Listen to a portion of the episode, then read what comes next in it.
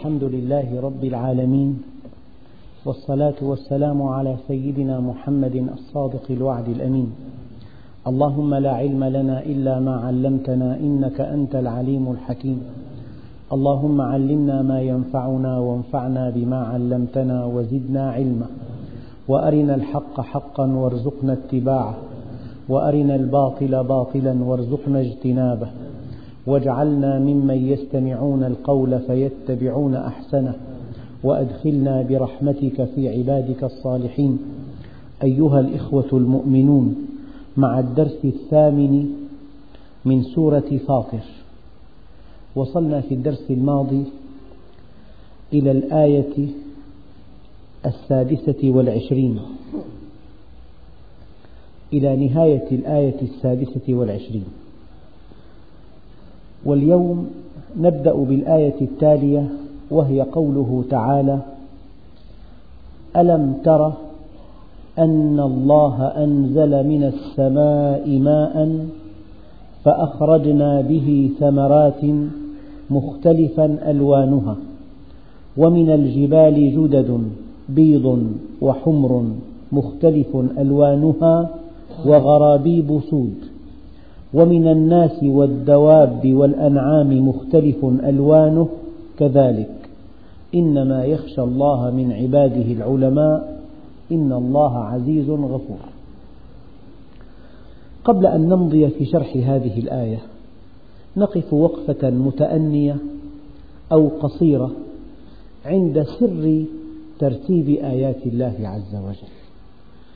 تلاحظون أن الله عز وجل في السورة الواحدة ينوع بين آيات كونية إلى أحكام فقهية إلى أخبار عمن قبلنا إلى وعد إلى وعيد. قد يسأل سائل لم لم يكن القرآن مرتبا ترتيبا موضوعيا؟ لم لا تكون آيات الكون في فصل؟ والأحكام الفقهية في فصل؟ والتاريخ في فصل؟ هذا السؤال جوابه أن هذا القرآن كتاب هداية وما دام كتاب هداية ينبغي أن يتمشى مع طبيعة النفس. فأنت إذا جلست إلى طعام ينبغي أن تأكل موادا طعاما دسما وفواكه ومقبلات وشرابا وحلويات. أيعقل أن تأكل لأسبوع بشكل مستمر طعاما من نوع واحد أسبوع مقبلات أسبوع فواكه. فربنا عز وجل جمع في السورة الواحدة موضوعات شتى. كل هذه الموضوعات في مجملها تشكل وحدة إرشادية. فتارة تحتاج إلى آية كونية ترقى بها إلى الله. وتارة تحتاج إلى حكم فقهي تطبقه لتصلح, لتصلح دنياك وتارة بحاجة إلى خبر عن الأقوام السابقة لتتعظ. فتنوع الموضوعات في السورة الواحدة من لدن حكيم خبير وترتيب القرآن كما تعلمون ترتيب توقيفي جاء به الوحي السماوي. فحينما ننتقل من حديث عن الدنيا والآخرة إلى حديث عن الكون إلى حديث عن الأمم السابقة إلى وعد إلى وعيد إلى مشهد من مشاهد الآخرة. هذا الترتيب يجب أن نأخذه بعين الاعتبار ويجب أن نعتقد جميعا أن هذا الترتيب ترتيب خالق الكون ترتيب منزل هذا القرآن. فالآن ننتقل إلى صفحة من صفحات الكون. ربنا سبحانه وتعالى يقول ألم تر؟ هذه الرؤية رؤية القلب أو العلم يعني ألم تعلم؟ كلكم يعلم أن فعل رأى على نوعين رأى بصرية ورأى قلبية. قد تقول رأيت الشمس ساطعة هذه رأى البصرية. وقد تقول رأيت العلم نافعا. هذه رأى القلبية.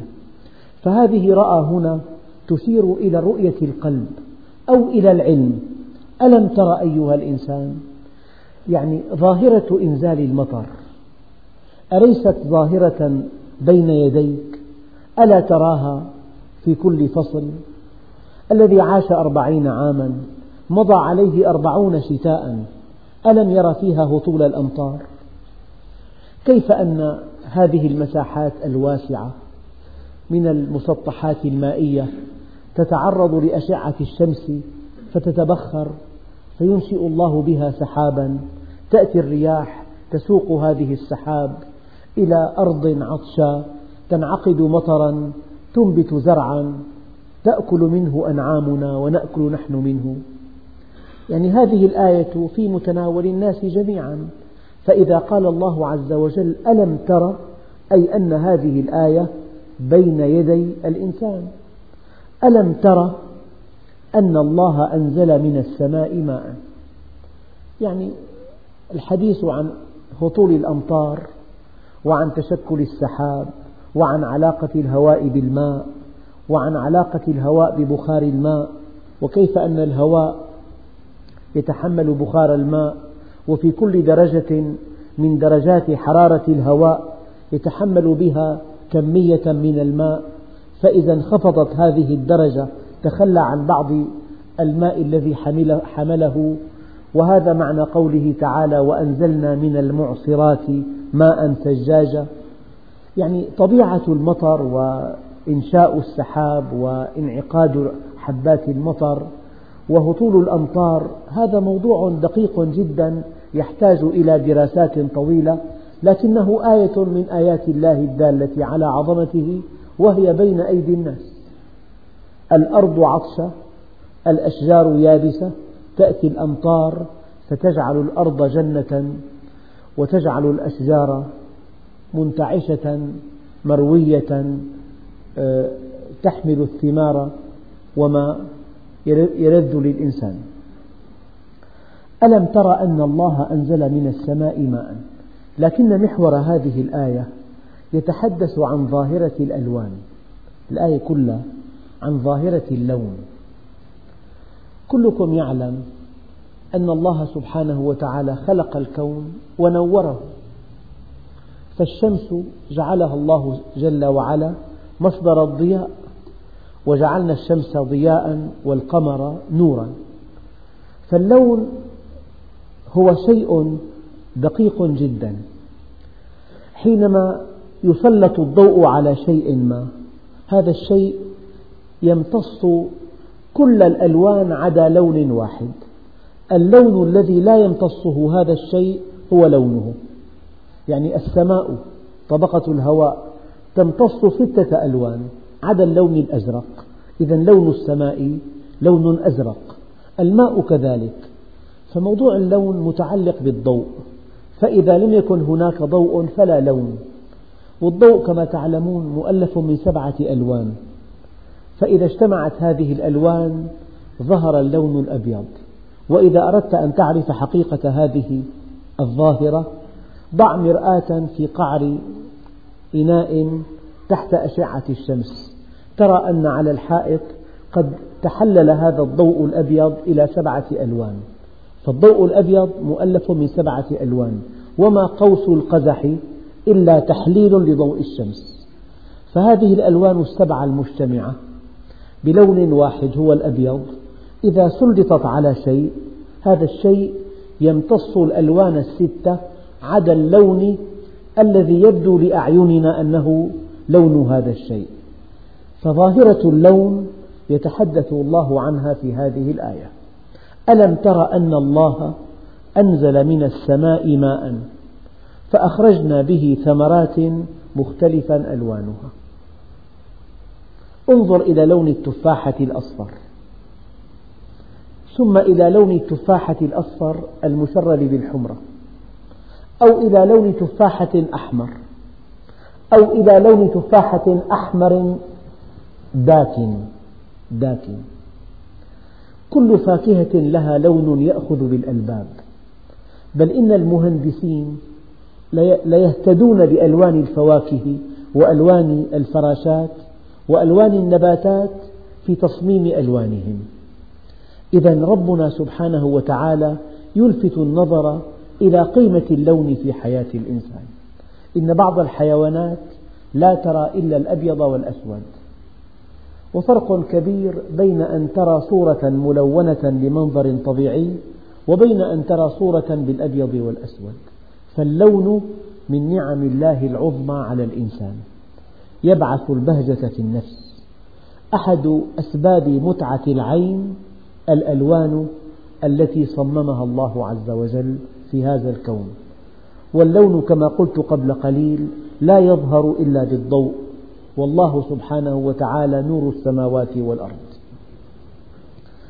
فإذا نظرت إلى الفاكهة ربما كان اللون له دلالة مؤشرا على نضجها فربنا عز وجل يقول وعلامات وبالنجم هم يهتدون. فالإنسان الذي يعمل في الزراعة يهتدي إلى نضج الفواكه والثمار والخضروات باللون. ادخل إلى حقل الطماطم البندورة. ماذا ترى؟ هذه العناقيد كلها خضراء أما الحمراء تقطفها. كلما وجدت ثمرة حمراء اللون تقطفها هي الناضجة. فاللون علامة النضج وهذا من فضل الله على الإنسان. فكل شيء أعطاه علامة دالة على مضمونه. فاللون من جهة متعة بالغة للإنسان ومن جهة ثانية مؤشر على حالة معينة للفاكهة. فالفاكهة الخضراء لا تؤكل. انظروا إلى, انظروا إلى ثمره إذا أثمر وينعي ينعه أي نضجه. كيف نعرف نضجه؟ من لونه. فالإنسان إذا أمسك فاكهة ليأكلها فلينظر إلى دقة هذا اللون. الآن الكرز له لون رائع المشمش له لون دقيق التفاح العنب. أحيانا اللون يثير الشهية. من جهة يثير المتعة متعة العين. واللون الذي تصطبغ به الفاكهة يثير شهية الإنسان. واللون مؤثر على نضج الفاكهة. فهذه الآية الكونية التي أشار الله إليها في هذه الآية يجب أن نهتم بها. الإنسان لا ينبغي أن يأكل كما تأكل بقية المخلوقات. يجب أن يأكل كما يأكل الإنسان العاقل. أن يجعل من طعامه دليلا على الله عز وجل. وهكذا قال الله عز وجل فلينظر الإنسان إلى طعامه. انظر إليه. انظر إلى لون الفاكهة. أضف إلى اللون حجم الفاكهة. أضف إلى حجمها رائحتها. أضف إلى رائحتها شكلها. قوامها. ما فيها من مواد غذائية. اجمع بين المواد الغذائية مع النضج مع القوام مع الحجم مع الشكل مع اللون مع الرائحة مع طريقة التناول مع امتداد فترة القطاف. لو أن الفواكه تنضج في يوم واحد لأتلفناها. لكن الفواكه التي نأكلها تنضج تباعا وهذا من نعم الله العظمى. بينما المحاصيل تنضج في يوم واحد. أكمل شيء في المحاصيل أن تنضج في يوم واحد وأكمل شيء في الفاكهة أن تنضج تباعا. بل إن مجموع الفواكه التي, التي نستفيد منها في فصل واحد تنضج أيضا هي تباعا بحسب أنواعها. فالذي عنده حقل أو عنده بستان فيه من كل الثمرات يقطف نوعا نوعا بالتدريج. وهذا من فضل الله. هي اسمها برمجة. الفواكه مبرمجة والنوع الواحد مبرمج. وهذا من فضل الله عز وجل. حدثني أحدهم أنه ضمن حقلا للبطيخ.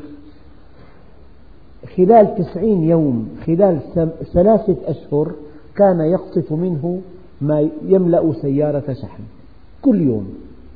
إذا هذا الحقل يعطيك هذه الفاكهة الصيفية على مدار تسعين يوما. هذا برمجة هذه. لو أن هذا البطيخ نضج كله في يوم واحد ماذا نستفيد منه؟ إذا الإنسان إذا نظر إلى الفاكهة وتأمل في ألوانها ليعلم أن اللون له وظيفة. تارة يثير الشهية وتارة يدل على النضج وتارة يمتع العين. بل إن هناك من يضع صورا للفواكه في غرفة الطعام على أنها قطعة فنية. منظر الفاكهة بألوانها اليانعة بألوانها مع بعد أن تصبح يانعة. هذا لون يثير الحاسة الجمالية في الإنسان. فربنا عز وجل يقول ألم تر أن الله أنزل من السماء ماء فأخرجنا به ثمرات مختلفا ألوانها. يعني هنا التركيز في هذه الآية لا على فائدة الفاكهة ولا على طعمها ولا على ما فيها من مواد غذائية ولا على تناسبها مع طبيعة الإنسان. التركيز هنا على اللون يعني ظاهرة اللون. نعم. ألم تر أن الله أنزل من السماء ماء فأخرجنا به ثمرات مختلفا ألوانها؟ مع أنها تسقى بماء واحد. هذه البذرة فيها قوام النبات وفيها عمر النبات وفيها عطاء النبات وفيها نوع الفاكهة وطعم الفاكهة ولون الفاكهة وقوام الفاكهة. كلها معلومات موضوعة في نويتها. وهذه المعلومات كما قلت قبل, قبل حين تزيد عن خمسة آلاف مليون معلومة. ومبرمجة. لذلك هذه البذرة تزرعها في التراب فإذا هي شجرة زيتون أو شجرة تفاح لها طباع لها حاجات دقيقة لها عمر معين لها إنتاج معين حتى أن الفاكهة الواحدة منها أنواع منوعة. يعني بالمئات أية فاكهة تخطر في بالكم في العالم أنواع منها بالمئات. هناك نوع كبير الحجم نوع صغير الحجم نوع آه، يظهر متأخرا نوع باكوري نوع حامضي الطعم. أنواع منوعة لا يعلمها إلا الله. يكفي أن من العنب في بعض حقول التجارب عندنا ما يزيد عن ثلاثمائة نوع والتفاح كذلك. وكل أنواع الفواكه والثمار أنواع منوعة. هذه للنقل وهذه للمائدة وهذه للصناعة وهذه للعصير وهذه نسيجها متماسك وهذه ماؤها كثير وهذه كروية الشكل وهذه صلبة النسيج أنواع منوعة. فإذا نوع الفاكهة ونوع الطعام هذا دليل على عظمة الله عز وجل. والإنسان العاقل ينبغي أن يجعل من طعامه دليلا على عظمة الله عز وجل. إذا ألم تر أن الله أنزل من السماء ماء فأخرجنا به ثمرات مختلفا ألوانها ومن الجبال. أيضا هذه الجبال تذهب إلى مكان ترى جبلا أحمر اللون مكان آخر ترى جبلا أبيضا. في بلاد الحجاز الجبال سود سوداء اللون بلون الحديد. في أماكن الجبال حمر في أماكن الجبال كلسية كلسية بيضاء اللون. فهذه ظاهرة اللون كما أنها في الفواكه هي في التضاريس. كل تربة لها لونها الخاص كل منطقة لها طبيعة خاصة. إذا ذهبت إلى منطقة حوران التربة لها لون. إذا ذهبت إلى منطقة أخرى التربة لها لون. إذا ذهبت إلى جبال معينة هذه الجبال لها لون. قال تعالى ومن الجبال. جدد الجدد يعني الطرق. الطرق في الجبال تراها تارة بيضاء وتارة حمراء وتارة سوداء. ومن الجبال جدد بيض وحمر مختلف ألوانها. حتى لو أن هذه الطرق حمراء اللون إنها متفاوتة في هذا اللون. لون الواحد متفاوت. وغرابيب سود. دعك من الجبال ودعك من الفواكه والثمار. وانظر إلى لون الإنسان. هذا أبيض ناصع وهذا حنطي اللون وهذا أسمر داكن وهذا أسود, غربيب. فما هذا اللون الذي منحه الله لبني البشر؟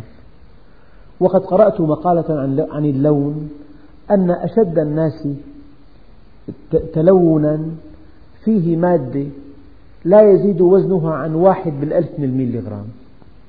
موزعة في جلد الإنسان يصبح لونه بهذا الشكل أو بشكل آخر. فلو جئت بآلة تصوير وصورت عشرة أشخاص لرأيتهم بلون واحد في الصورة. أما لو نظرت إليهم بأعينك بعينيك لرأيت كل إنسان ينفرد بلون لا يزاحمه فيه أحد. وهذا اللون من فضل الله على الإنسان. يعني الإنسان من تكريم الله له أنه جعله فردا. ومن علامة فرديته أنه يتميز بلون خاص. له لون خاص وملامح خاصة ونبرة خاصة ورائحة جلد خاصة. هذه الفردية في الإنسان تكريم من الله عز وجل. إذا ومن الجبال جدد بيض وحمر مختلف ألوانها وغرابيب سود غرابيب سود أي أسود داكن شديد السواد أو لون أحمر مختلف في درجاته أو لون أبيض مختلف في نصاعته. ومن الناس والدواب أيضا هذه الدواب. انظر إلى ألوان البقر. بقرة صفراء فاقع لونها. بقرة سوداء بقرة بيضاء بقرة بيضاء وسوداء. هذا من حيث البقر والجمال كذلك. هناك جمل أسود وجمل أشهب وجمل أبيض وجمل أشقر. نعم. وكذلك الغنم وكذلك الماعز. فحتى الدواب بشكل عام وحتى الأنعام بشكل خاص لها ألوان متفاوتة. فكأن هذه الآية أرادت أن تلفت نظر الإنسان إلى ظاهرة اللون وكيف أن الإنسان مكرم بأنه أعطي عينين يرى بهما الألوان. فلو أن هذه الألوان الصارخة الجميلة التي بثها الله في الكون كانت موجودة لكن عيني الإنسان لا ترى إلا الأبيض والأسود ما قيمة ذلك؟ لو أنك صورت منظرا جميلا فيه من الأزهار من كل الأنواع والفيلم أبيض وأسود. كل هذه الألوان تنطمس ولا قيمة لها. وشتان بين صورة ملونة وصورة بيضاء وسوداء. فرق كبير بينها فلذلك ومن الناس والدواب والأنعام مختلف ألوانه كذلك. يعني ظاهرة اللون في البشر وفي الحيوانات. وفي النباتات وفي الجماد. الإنسان حيوان نبات جماد. فربنا عز وجل ذكر ظاهرة اللون في كل الأنواع في نوع الجمادات ولا سيما الجبال وفي نوع النباتات ولا سيما الثمار وفي نوع المخلوقات ولا سيما الحيوانات وفي الأخص الأنعام وفي نوع الإنسان. فظاهرة اللون ظاهرة تلفت النظر وهي موضوع للتفكر في خلق السماوات والأرض. يعني أب وأم يأتيان بأولاد مختلفي الألوان من ولد ناصع في بياضه إلى ولد داكن في في تلوينه. والأم والأب من نوع واحد. إذا هذا أيضا من دلائل الله عز وجل على عظمة خلقه. أيها الإخوة الأكارم في هذه الآية تعقيب دقيق جدا. هذا التعقيب يقول إنما يخشى الله من عباده العلماء. ومعروف لديكم أن الله لفظ جلالة مفعول به مقدم. والعلماء فاعل مؤخر يعني إنما العلماء يخشون الله. وهي لو قلنا العلماء يخشون الله لا يمنع من أن يخشى الله غير, غير العلماء.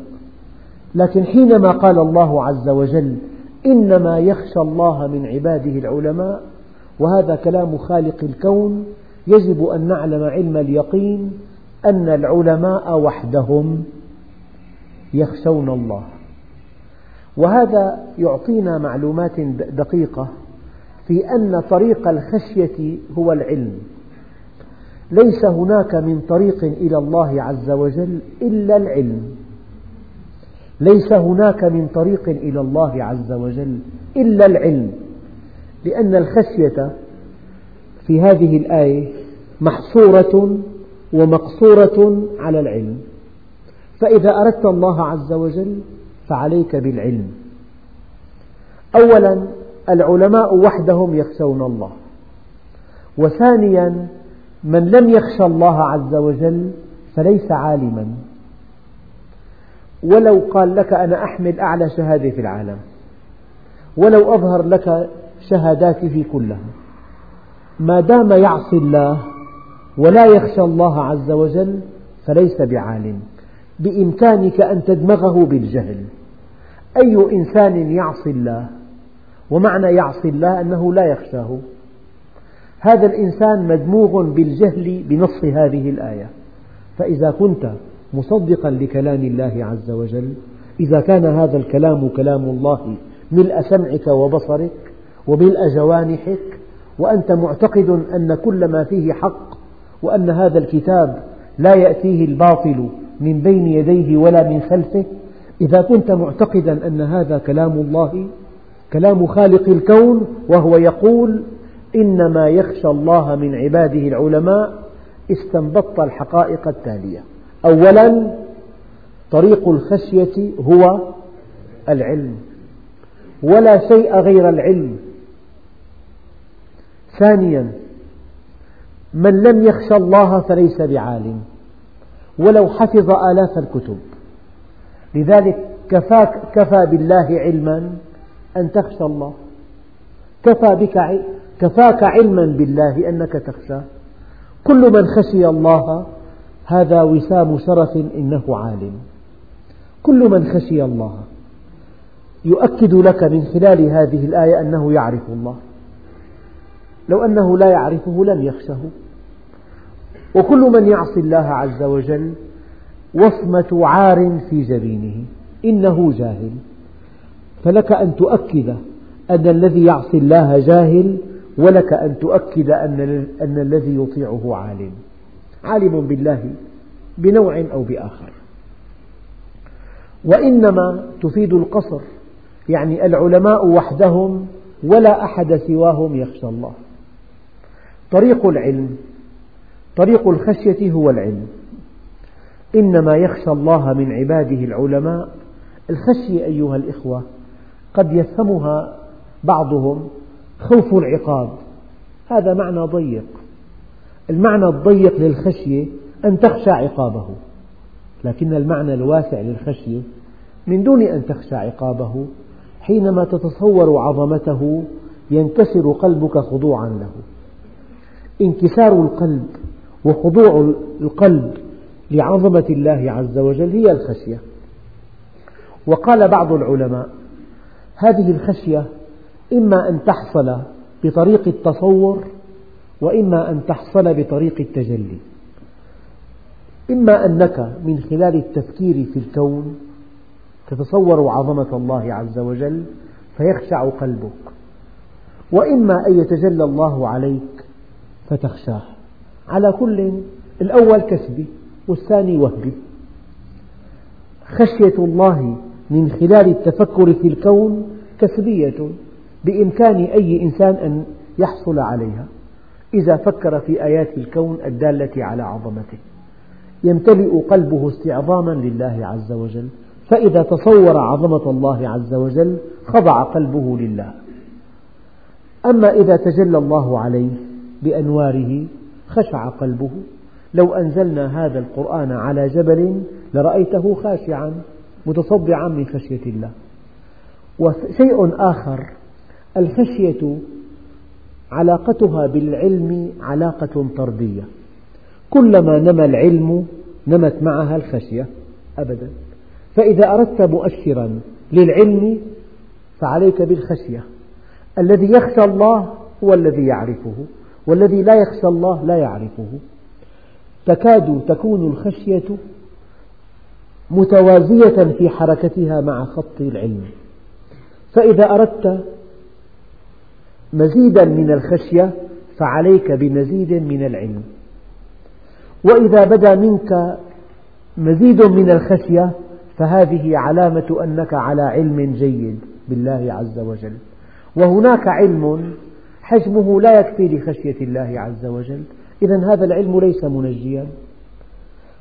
العلم المنجي هو الذي في مجموعه يحملك على خشية الله عز وجل. والنبي أعلمنا بالله إذا هو أشدنا لله خشية. وهكذا قال عليه الصلاة والسلام أشدكم لله خشية أنا. هكذا قال. والعبرة هو الخشية. يعني العلم ثمرة الخشية. فمن تعلم ولم يخشى فلم يتعلم. العلم ثمرته هلا واحد بيدرس حتى يكون له دخل معقول. فلو تعلم ولم يتوظف مثلا ما قيمة هذه الشهادة في في نظام الحياة؟ العلم الديني مؤداه الخشية فمن لم يخشى ما قيمة هذا العلم؟ فالخشوع في الصلاة ليس من فضائلها بل من فرائضها والفلاح في القرآن جاء مرة قد أفلح من تزكى وجاء مرة قد أفلح المؤمنون الذين هم في صلاتهم خاشعون. نعم. فلذلك الخشية والخشوع من ثمرات العلم.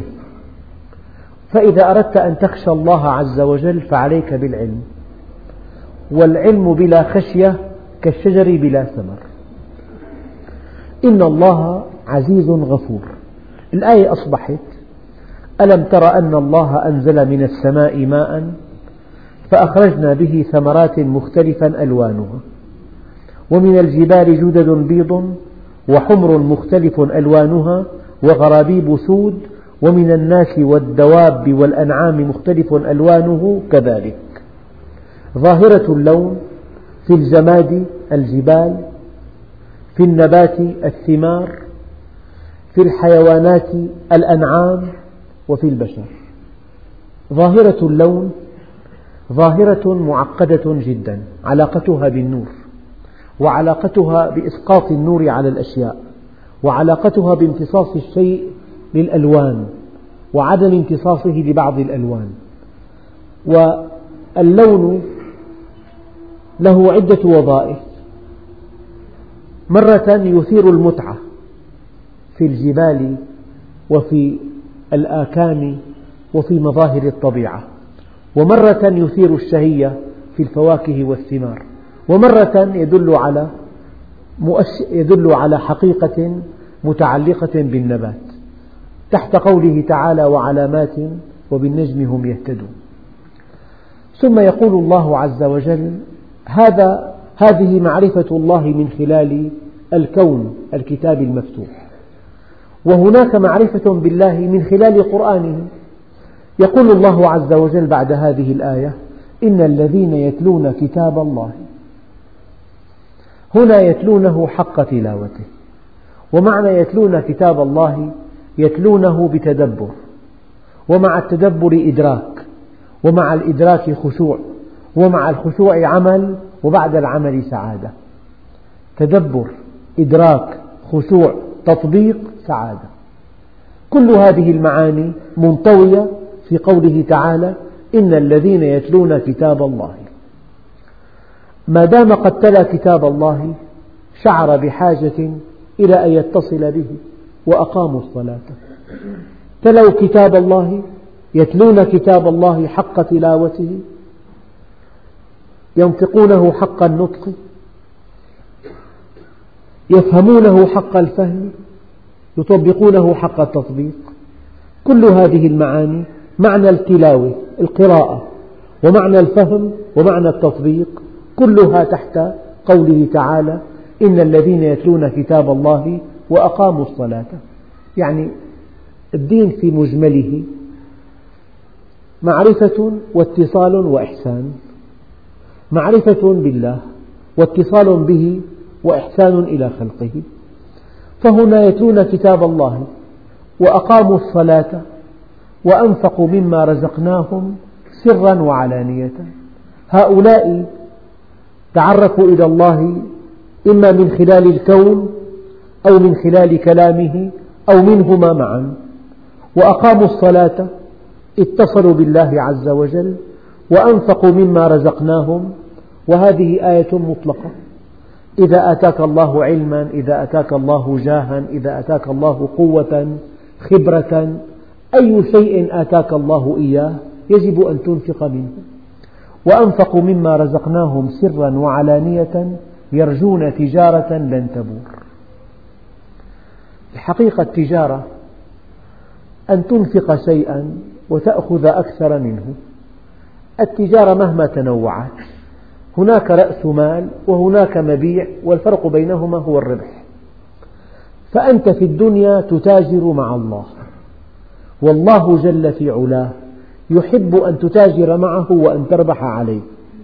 لكنك في تعاملك مع الله لا تربح الربح القانوني الذي يربحه التجار بل تربح مع الله أضعافا مضاعفة أضعافا كثيرة. يعني حينما ترى مقامك في الجنة ترى أن هذا المبيع لا يتوازن أبدا مع ثمن الشراء. يعني الذي بذلته في الدنيا لا يتناسب أبدا مع العطاء في الآخرة. إنه ألوف ملايين الأضعاف. لذلك المؤمن من علامات آه، خجله أنه يعرق حينما يرى مقامه عند الله عز وجل. ماذا فعل؟ يعني بالتجارة تشتري بمئة تبيع بمئة وخمسين بمئتين ربح فاحش بثلاثمئة بألف لكنك مع الله عز وجل. مثل الذين ينفقون أموالهم في سبيل الله كمثل حبة أنبتت سبع سنابل في كل سنبلة مئة حبة. والله يضاعف لمن يشاء. والله واسع عليم. يعني أضعاف مضاعفة. لذلك قال الله عز وجل من ذا الذي يقرض الله قرضا حسنا فيضاعفه له أضعافا كثيرة. معنى التجارة وارد بآيات أخرى. يا أيها الذين آمنوا هل أدلكم على تجارة تنجيكم من عذاب أليم؟ تؤمنون بالله ورسوله وتجاهدون في سبيل الله بأموالكم وأنفسكم. ذلكم خير لكم إن كنتم تعلمون. يغفر لكم من ذنوبكم ويدخلكم جنات تجري من تحتها الأنهار. يعني اسأل تاجر اشترى شيء بمية باعه بعشرة آلاف تلاقي يكاد يقفز عن الأرض قفزا. هي بيعة لك هي بيعة إذا اشترى شيئا بثمن بخس وباعه بأضعاف مضاعفة الربح مسعد. يعني التجار يعرفون طعم الربح. لكنك إذا تجرت مع الله عز وجل فالأرباح مضمونة وأضعافها كثيرة ولا يعلمها إلا الله. لذلك إن الذين يتلون كتاب الله وأقاموا الصلاة وأنفقوا مما رزقناهم سرا وعلانية يرجون تجارة لن تبور. يعني الأيام التجار حينما تزدحم عليهم الزبائن وحينما تروج بضاعتهم وحينما يبيعون بأرقام خيالية ينسون صلاتهم وعباداتهم ويظنون أنهم سعداء بهذه الأرباح الطائلة. بينما الذين يتلون كتاب الله وأقاموا الصلاة من مسجد إلى مسجد ومن درس علم إلى درس علم ومن طاعة إلى طاعة ومن بذل إلى بذل. يبدو هؤلاء أنهم خاسرون وهؤلاء التجار الكبار أنهم رابحون. ولكن ما قولكم لو عكست الآية؟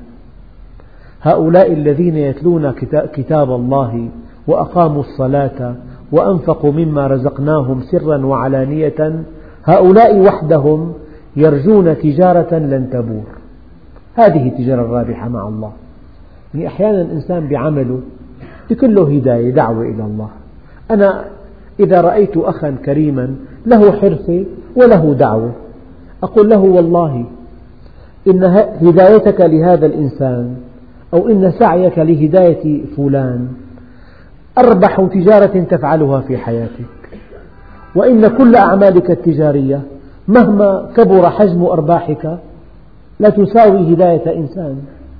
لذلك النبي عليه الصلاة والسلام حينما قال يا علي لأن يهدي الله بك رجلا واحدا خير لك مما طلعت عليه الشمس. خير لك من حمر النعم. خير لك من الدنيا وما فيها. فالإنسان السعيد الذي يتاجر مع الله. إذا تاجرت مع الله الربح مضمون والربح نسبه عالية جدا. نسبه فلكية وخيالية وقد لا يصدق حجم الربح مع الله عز وجل. لكنك إذا تاجرت في الدنيا الربح له سقف في منافسة في من ينافسك في البيع. وقدرتك على الاستمتاع بهذه الأموال محدود. فإذا جاء الموت ليس لك شيء. القدرة على الاستمتاع بالمال محدودة. مهما كنت غنيا لا ليس في إمكانك أن تأكل فوق ما يملأ معدتك.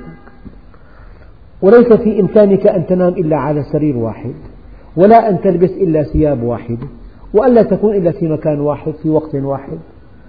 فالقدرة على الاستمتاع بالمال محدودة والأرباح محدودة والسقف موجود وحينما يموت الإنسان يدع كل شيء الذي حصله في كل حياته.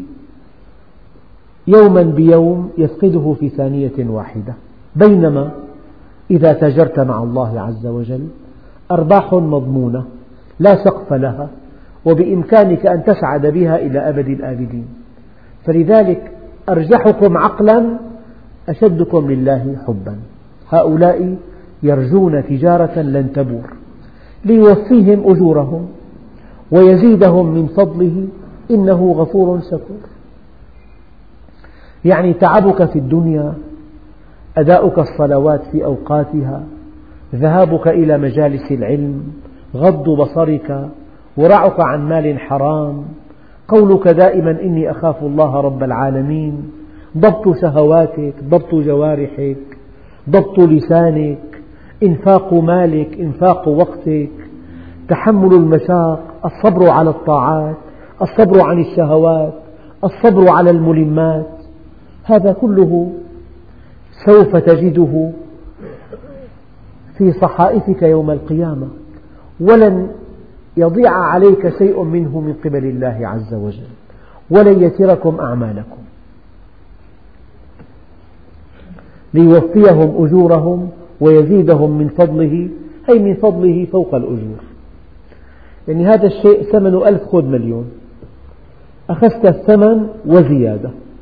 ليوفيهم أجورهم ويزيدهم من فضله. إنه غفور شكور. غفر لهم أخطاءهم وذنوبهم وشكرهم على أعمالهم الصالحة. غفور شكور. أخطاءك غفرها لك وحسناتك ضاعفها لك وشكرك عليها. والذي أوحينا إليك من الكتاب هو الحق مصدقا لما بين يديه. إن الله بعباده لخبير بصير. يعني هذا القرآن الذي أوحاه الله جل في علاه إلى النبي عليه الصلاة والسلام هو الحق. والحق الشيء الثابت الذي لا يتبدل ولا يتغير ولا يعدل ولا يلغى والباطل الشيء الزائل. فأنت إذا كنت مع الحق فأنت في بحبوحة وفي طمأنينة وفي يسر. فإذا كنت مع الباطل فأنت مغامر ومقامر. مغامر ومقامر. تغامر بسعادتك الأبدية وتقامر بها. لأن الباطل كان زهوقا. فإذا زهق الباطل زهق الإنسان معه. فكن مع الحق وإلا فهناك مغامرة ومقامرة. والذي أوحينا إليك من الكتاب هو الحق مصدقا لما بين يديه. إن الله بعباده لخبير بصير. خبير هو الذي خلقهم يعرف طبيعة النفس يعرف ما يصلحها ما يسعدها ما يطمئنها ما ويعرف ما يشقيها وما يبعدها. فإذا اتبعت كلام الخبير فأنت في سعادة وأنت في حياتك الدنيا ماذا تفعل؟ في كل قضية تبحث عن الخبير. إذا أردت أن تشتري مركبة تبحث عن خبير يفحصها لك وإن أردت أن تشتري بيتا تبحث عن خبير يقيم لك هذا البيت. وإذا أردت أن تشتري آلة تبحث عن خبير فأنت بحاجة ماسة إلى الخبير. فإذا أردت أمر آخرتك فإذا أردت فإذا كنت حريصا على سلامتك وعلى سعادتك وعلى نجاتك وعلى دخولك الجنة فعليك بكلام الخبير. لأن الله عز وجل يقول إن الله بعباده لخبير بصير. خبير بهم بصير بأحوالهم. في خبير غير بصير وفي بصير غير خبير. لكن اجتماع الخبرة مع البصر في الله عز وجل شيء عظيم. خبير وبصير بصير وخبير. فكم من خبير ليس بصيرا؟ ما قلت لي ليش ما قلت لي؟ ليس بصيرا. وكم من بصير ليس بخبير ما بعرف إلا. شفت لكن ما بعرف أنه شيء خطير هذا. هناك من يرى وليس عنده خبرة. وهناك من عنده خبرة وعلمه محدود لا يرى. طبيب في بيته وأخوه في منزل آخر. فالطبيب خبير لكن ليس بصيرا. ليش ما خبرتني يا أخي؟ بيقول له ما دام ضغطك بهالمستوى خبرني. فقد تجد الخبير ليس بصيرا وقد تجد البصير ليس خبيرا. لكن الله جل في علاه خبير بصير. إن الذين يتلون كتاب الله وأقاموا الصلاة وأنفقوا مما رزقناهم سرا وعلانية يرجون تجارة لن تبور ليوفيهم أجورهم ويزيدهم من فضله إنه غفور شكور. والذي أوحينا إليك من الكتاب هو الحق. ثابت. الحق الشيء الثابت الهادي الذي لا يتبدل ولا يتغير مصدقا لما بين يديه من الكتب السماوية. المصدر واحد لأنه بين يدي النبي التوراة والإنجيل يعني جاءت قبله والقرآن يصدقها. لأن الحق لا يتغير ولا يتعدد. إن الله بعباده لخبير بصير ثم أورثنا الكتاب الذين اصطفينا من عبادنا. فمنهم ظالم لنفسه ومنهم مقتصد ومنهم سابق بالخيرات بإذن الله ذلك هو الفضل الكبير. جنات عدن يدخلونها يحلون فيها من أساور من ذهب ولؤلؤا ولباسهم فيها حرير. وقالوا الحمد لله الذي أذهب عنا الحزن إن ربنا لغفور شكور. هذا الكتاب القرآن أورثه الله جل في علاه لعباده. اصطفاه لهم وأورثه إياهم. يعني هذا الكتاب منحة السماء إلينا. منهج. فيه كل شيء. فيه خبر من قبلنا. نبأ من بعدنا. فيه حكم الله في كل شيء. هذا حلال هذا حرام هذا مقبول هذا مرفوض هذا يرضي الله هذا لا يرضي الله. فيه وعد فيه وعيد فيه أمر فيه نهي فيه حلال فيه حرام في مشاهد مستقبلية في مشاهد مضت. ثم أورثنا الكتاب الذين اصطفينا من عبادنا.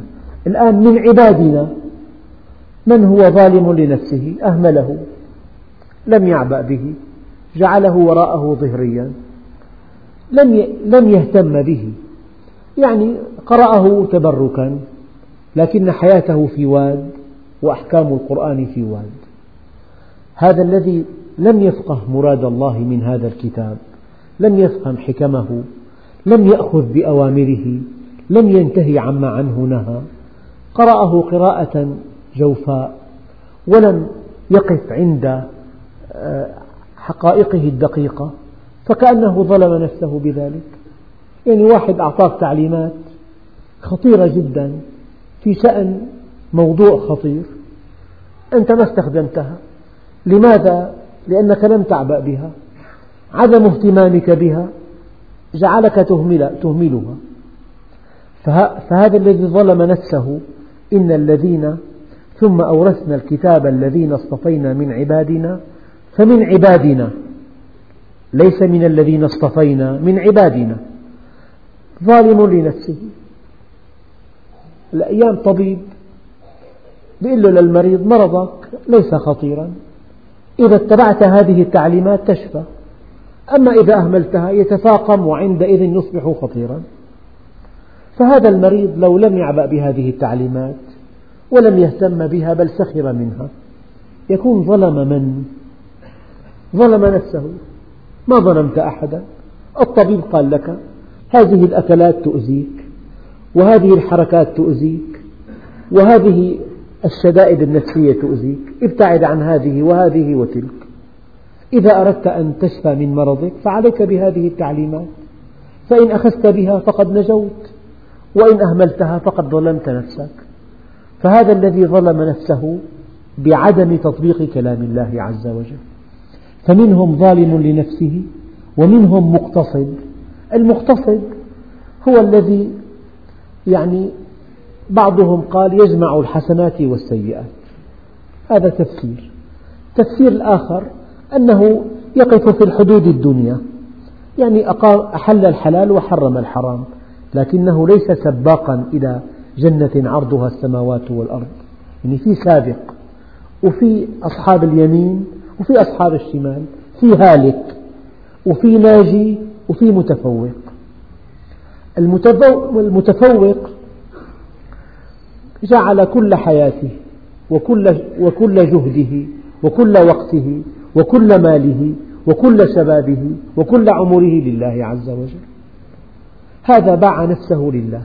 هذا معنى قوله تعالى إن الله اشترى من المؤمنين أنفسهم وأموالهم. بأن لهم الجنة. بايعها يعني. باع حياته كلها. قل إن صلاتي ونسكي ومحياي ومماتي لله رب العالمين. وقته لله. عضلاته لله. خبراته لله. عقله لله. قلمه لله. لسانه لله. زواجه لله. حرفته لله. لهوه لله. كل حركاته وسكناته في سبيل الله. هذا هو السباق. فالسابقون السابقون أولئك المقربون. كم عندكم الزكاة يا سيدي؟ قال له عندنا أم عندكم؟ قال له ما عندنا وما عندكم؟ قال له عندكم واحد في الأربعين. أما عندنا العبد وماله لسيده. هذا عندنا. فأنت مخير بين أن تكون من المقتصدين وبين أن تكون من السابقين. لكن إياك أن تكون من الظالمين من الظالمين.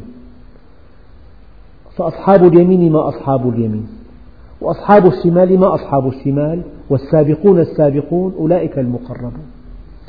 فحينما تصلي صلوات حينما تحرص على صلواتك وحينما تصلي صلوات النفي وتنفق زكاة مالك وفوق الزكاة صدقة وحينما تتعلم ما كان فرض عين وما كان فرض كفاية. وحينما تعمل آناء الليل وأطراف النهار لما يرضي الله عز وجل فأنت من السابقين. وأنا أعجب من ممن يطمح في الدنيا ولا يطمح في الآخرة. ممن يزهد في الآخرة أو يرضى فيها بأدنى المراتب ولا يرضى في الدنيا إلا بأعلى المراتب. من هو الزاهد؟ هو الذي زهد في الآخرة الحقيقة. ثم أورثنا الكتاب الذين اصطفينا من عبادنا فمنهم ظالم لنفسه ومنهم مقتصد يعني أدى الصلوات الخمس وغض بصره عن الحرام وتحرى الحلال في دخله ثم أعطى نفسه المباحات. لا أقول المحرمات لا المباحات. فهذا الذي فعل من الدين الحدود الدنيا لم يفعل إلا الفرائض لم يفعل إلا الأوامر وترك المنهيات وأطلق نفسه للمباحات. هذا مقتصد. وأما الذي وقع في الحرام وترك الأمر والنهي فهذا ظالم. أما الذي فعل الأوامر وترك النواهي وفعل النوافل ما يزال عبدي يتقرب إلي بالنوافل حتى أحبه. فإذا أحببته أحببته كنت سمعه. الذي يسمع به وبصره الذي يبصر به ويده التي يبطش بها ورجله التي يمشي بها. ولئن سألني لأعطينه ولئن استعاذ بي لأعيذنه. هذا هو السابق. إذا ثم أورثنا الكتاب الذين اصطفينا من عباد الله أعطى التعليمات أعطى المنهج الذي عليه قدمه. هدانا وانتهى الأمر. هدانا بهذا الكتاب. هذه التعليمات والتوجيهات وافعل ولا تفعل والحرام والحلال والمباح والخير والشر والسعادة والشقاء وطريق الإيمان والتفكر كله بهذا الكتاب. هذا هذه هداية الله عز وجل. ثم أورثنا الكتاب الذين اصطفينا من عبادنا. فمنهم من عبادنا من هو ظالم لنفسه بإهماله. الكتاب بين يدينا. تحب تقرأه اطبقه هنيئا لك. تحب تهمله ما لك فاضي والله. تقرأ جرائد كل يوم تسمع أخبار فقط. وحديث فارغ. إيه ماشي الحال. ظلمت نفسك بعدم اتباع الكتاب. الإنسان يطلع على ما يجري لكن مو ينسى كلام الله عز وجل. إذا ترك القرآن نهائيا جعله وراء ظهره فقد ظلم نفسه. يجب أن تفقه ما حولك. هذا شيء واجب. لكن أن يشغلك عن ذكر الله أن يشغلك عن, عن كلام الله عز وجل عن تلاوة القرآن والله هذا ظلم كبير للنفس. ومنهم مقتصد يعني حدود الدنيا بس الخطة بيحضرها أما دروس ما بيحضر أي فرض أخي هذا مقتصد. أما السابق بالخيرات يريد مزيدا من العلم. يتعلم كلام الله الحديث الشريف السيرة المطهرة. أمر الله عز وجل. بده يصير داعية بده يهدي الناس. طموح. ومنهم سابق بالخيرات بإذن الله ذلك هو الفضل الكبير. يعني هذا التفوق هذا الفوز هذا النجاح هذا الفلاح هي السعادة هي الذكاء هذا الذكاء. فلان ذكي هذا الذكي يعني اختار أن يكون سابقا بالخيرات. فالإنسان لا يكون في الدنيا سباقا وفي الآخرة زاهدا ليعكس الآية. ليكن في الدنيا قنوعا وفي الآخرة سباقا. ليكن طموحا إلى مراتب عليا عند الله عز وجل. إن المتقين في جنات ونهر في مقعد صدق عند مليك مقتدر. ذلك هو الفضل الكبير. هو تفيد القصر. يعني هذا وحده هو الفضل. لا الدنيا الإنسان أحيانا يرى بيتا فخما يسيل لعابه ويظن هذا البيت فضلا كبيرا منحه الله لصاحبه. يرى سيارة فارهة يظنها فضلا كبيرا. يرى منصبا رفيعا يظنه فضلا كبيرا. يرى فلان اقترن بزوجة من مستوى رفيع يظن ذلك فضلا كبيرا. يرى فلان عنده بساتين ومزارع وأموال منقولة وغير منقولة. يظن ذلك فضلا كبيرا. لكن الله عز وجل يخبرنا أن الفضل الكبير أن تكون سابقا بالخيرات أن يكون باعك بالخيرات كبير. الغنى غنى العمل الصالح. ما هو الفضل الكبير؟ ثمنه هذا السبق في الخيرات. ثمرته جنات عدن يدخلونها يحلون فيها من أساور من ذهب ولؤلؤا ولباسهم فيها حرير. جنات عدن يدخلونها يحلون فيها من أساور من ذهب ولؤلؤا ولباسهم فيها حرير. يعني أوصاف الجنة ليس لنا أن نزيد فيها. الله أعلم ما نوع الذهب وما نوع اللؤلؤ وما نوع الحرير الذي يلبسه أهل الجنة.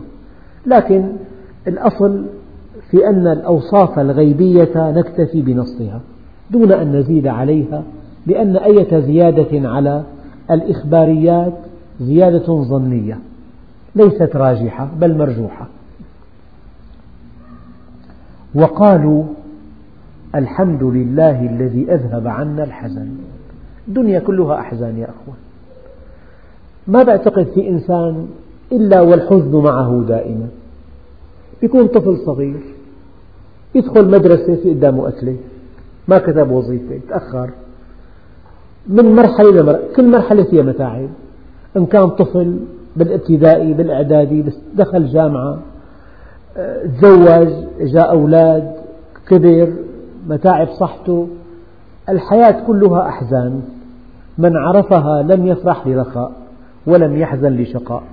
يعني أجمل كلمة الحمد لله الذي أذهب عنا الحزن.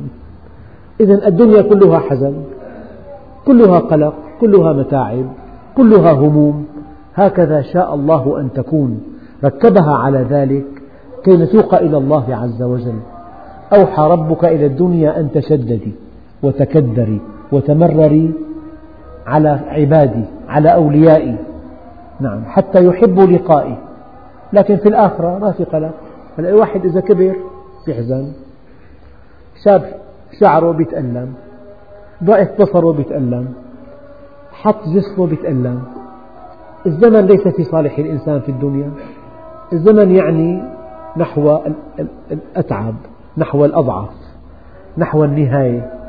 إذا الحياة مركبة على الحزن لكن الآخرة ليس فيها حزن. أبدا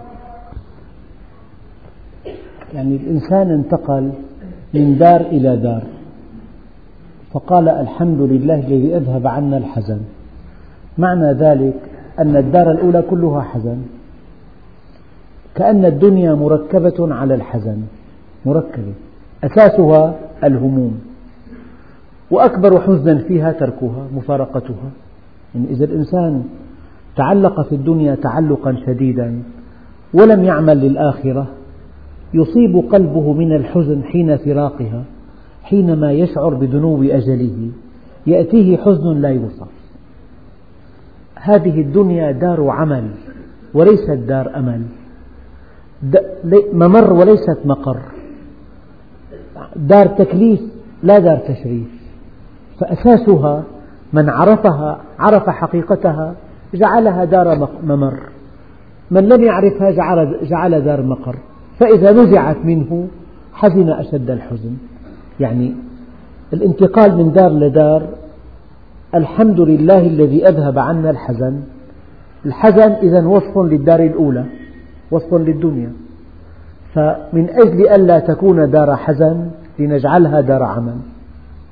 لنجعل التعلق في الآخرة. لنجعل محط الرحال في الآخرة. لنجعل الدنيا كلها مسخرة للآخرة مسخرة للآخرة. إذا جعلت الدنيا مزرعة الآخرة ومطية الآخرة وإذا جعلت كل ما فيها في خدمة الآخرة ماذا قال الله عز وجل؟ وابتغ فيما آتاك الله الدار الآخرة. كل شيء آتاك الله في الدنيا من صحة وشباب ومال وجاه وعلم وخبرة ووقت وعضلات اجعلها في سبيل الله. عندئذ لا تكون الدنيا دار حزن. والحمد لله رب العالمين.